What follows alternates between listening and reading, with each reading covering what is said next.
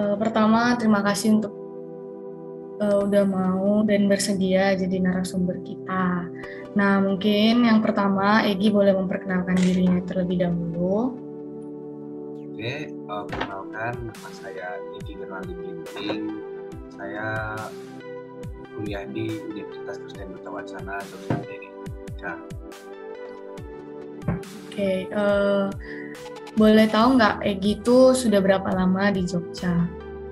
Uh, aku udah di Jogja itu sudah sekitar dua tahun lebih lah ya, mulai September 2020. Oke.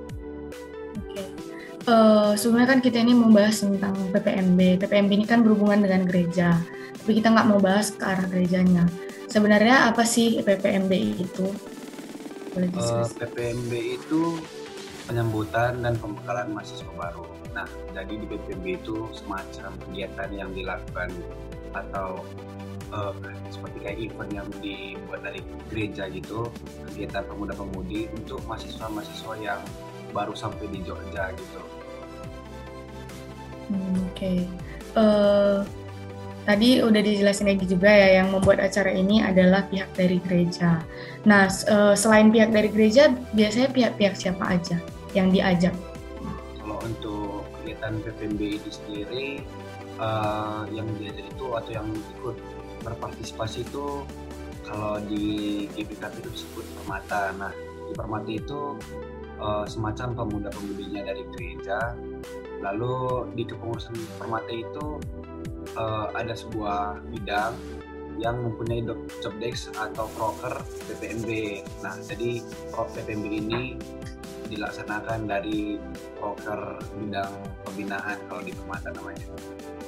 Dan, okay. dan uh, yang terlibat di dalam itu uh, permata yang ikut berpartisipasi berpartisipasi atau sebagai panitia dan peserta peserta itu mahasiswa-mahasiswa baru yang baru sampai di Jogja gitu. Oke, okay, uh, berarti ada keharusan nggak bang kalau yang ikut PPMB itu eh, yang ikut jadi panitia PPMB itu harus sudah ikut jadi peserta PPMB? Itu syarat untuk menjadi panitia sih sebenarnya. Jadi untuk syarat menjadi panitia PPMB itu dia sebelumnya harus sudah pernah ikut di PPMB sebelumnya.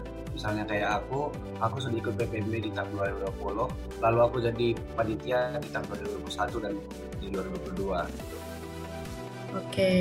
um, dan selanjutnya uh, sejak kapan PPMB ini sudah ada? Uh, mungkin kalau PPMB ini PPMB PPMB ini udah dilaksanakan mungkin udah lama gitu ya.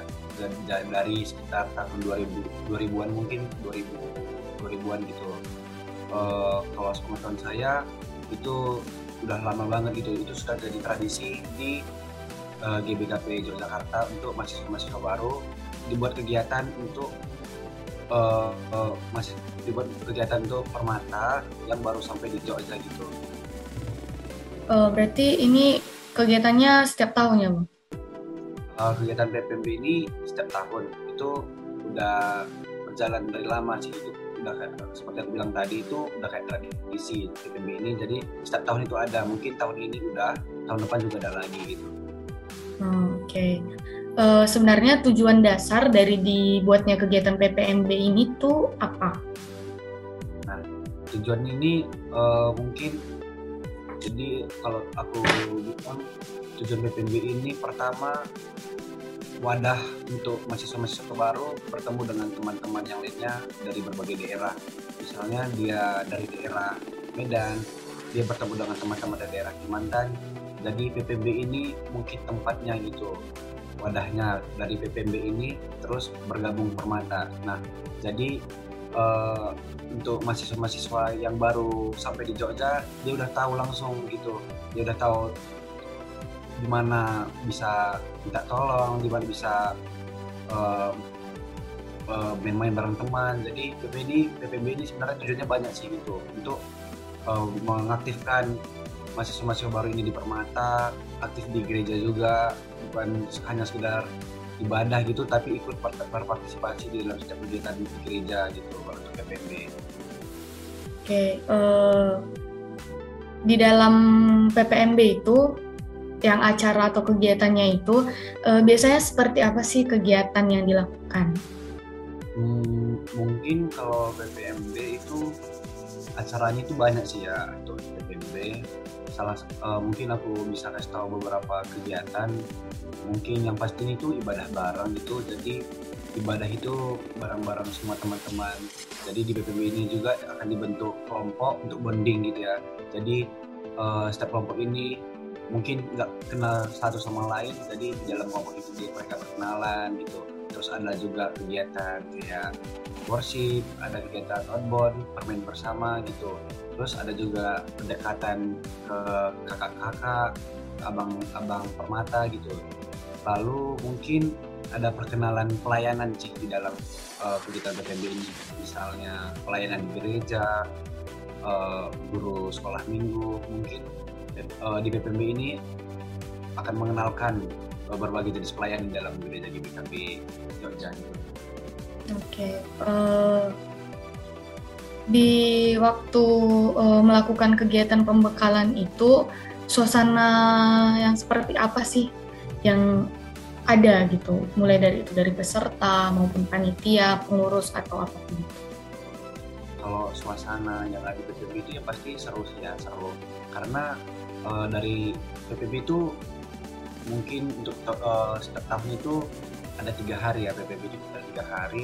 Mungkin dari hari pertama sampai PPB itu pasti ada pasti ada aja gitu kegiatan-kegiatan yang buat kita uh, semua seru-seruan happy happy uh, jadi di PPB ini nggak bukan seperti kayak ospek-ospek gitu ya. Mungkin PPB ini uh, lebih mengakrab, mengakrabkan diri kita dengan peserta PPMB begitu juga dengan sebaliknya peserta PPMB bisa mengakarkan diri dengan teman-teman yang lainnya begitu juga dengan kakak-kakak abang. Nah makanya tadi aku bilang setiap kegiatan PPMB ini pasti seru-seru gitu. Oh, oke. Okay. uh, saya selanjutnya ini kan tadi pelaksanaan yang dilakukan oleh gereja.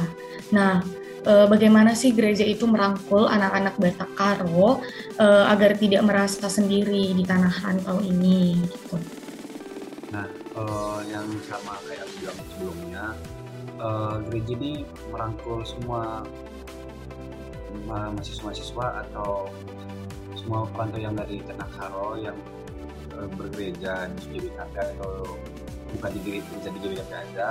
Uh, di gereja ini merangkul semua mahasiswa-mahasiswa ini dengan adanya kegiatan PPMB gitu.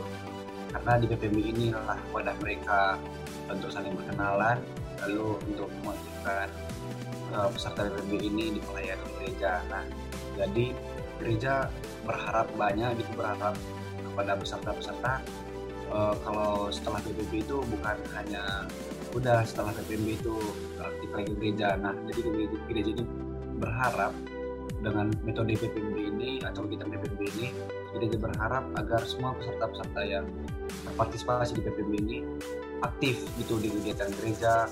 Mulai dari kalau aku bilang contohnya mulai di pasca bisa ambil uh, ambil kepanitiaan di pasca Natal juga. Jadi mereka aktif di gereja jangan hanya sekedar itu PPB lalu tidak pernah lagi datang ke gereja. Makanya kalau uh, gereja bilang PPB ini yang membuat uh, permata di GBKP Jogja atau pemuda-pemudi di GBKP Jogja lebih akrab gitu. Bukan hanya di dalam gereja aja tetapi di luar gereja juga Oke, mungkin pertanyaan terakhir ya dari aku.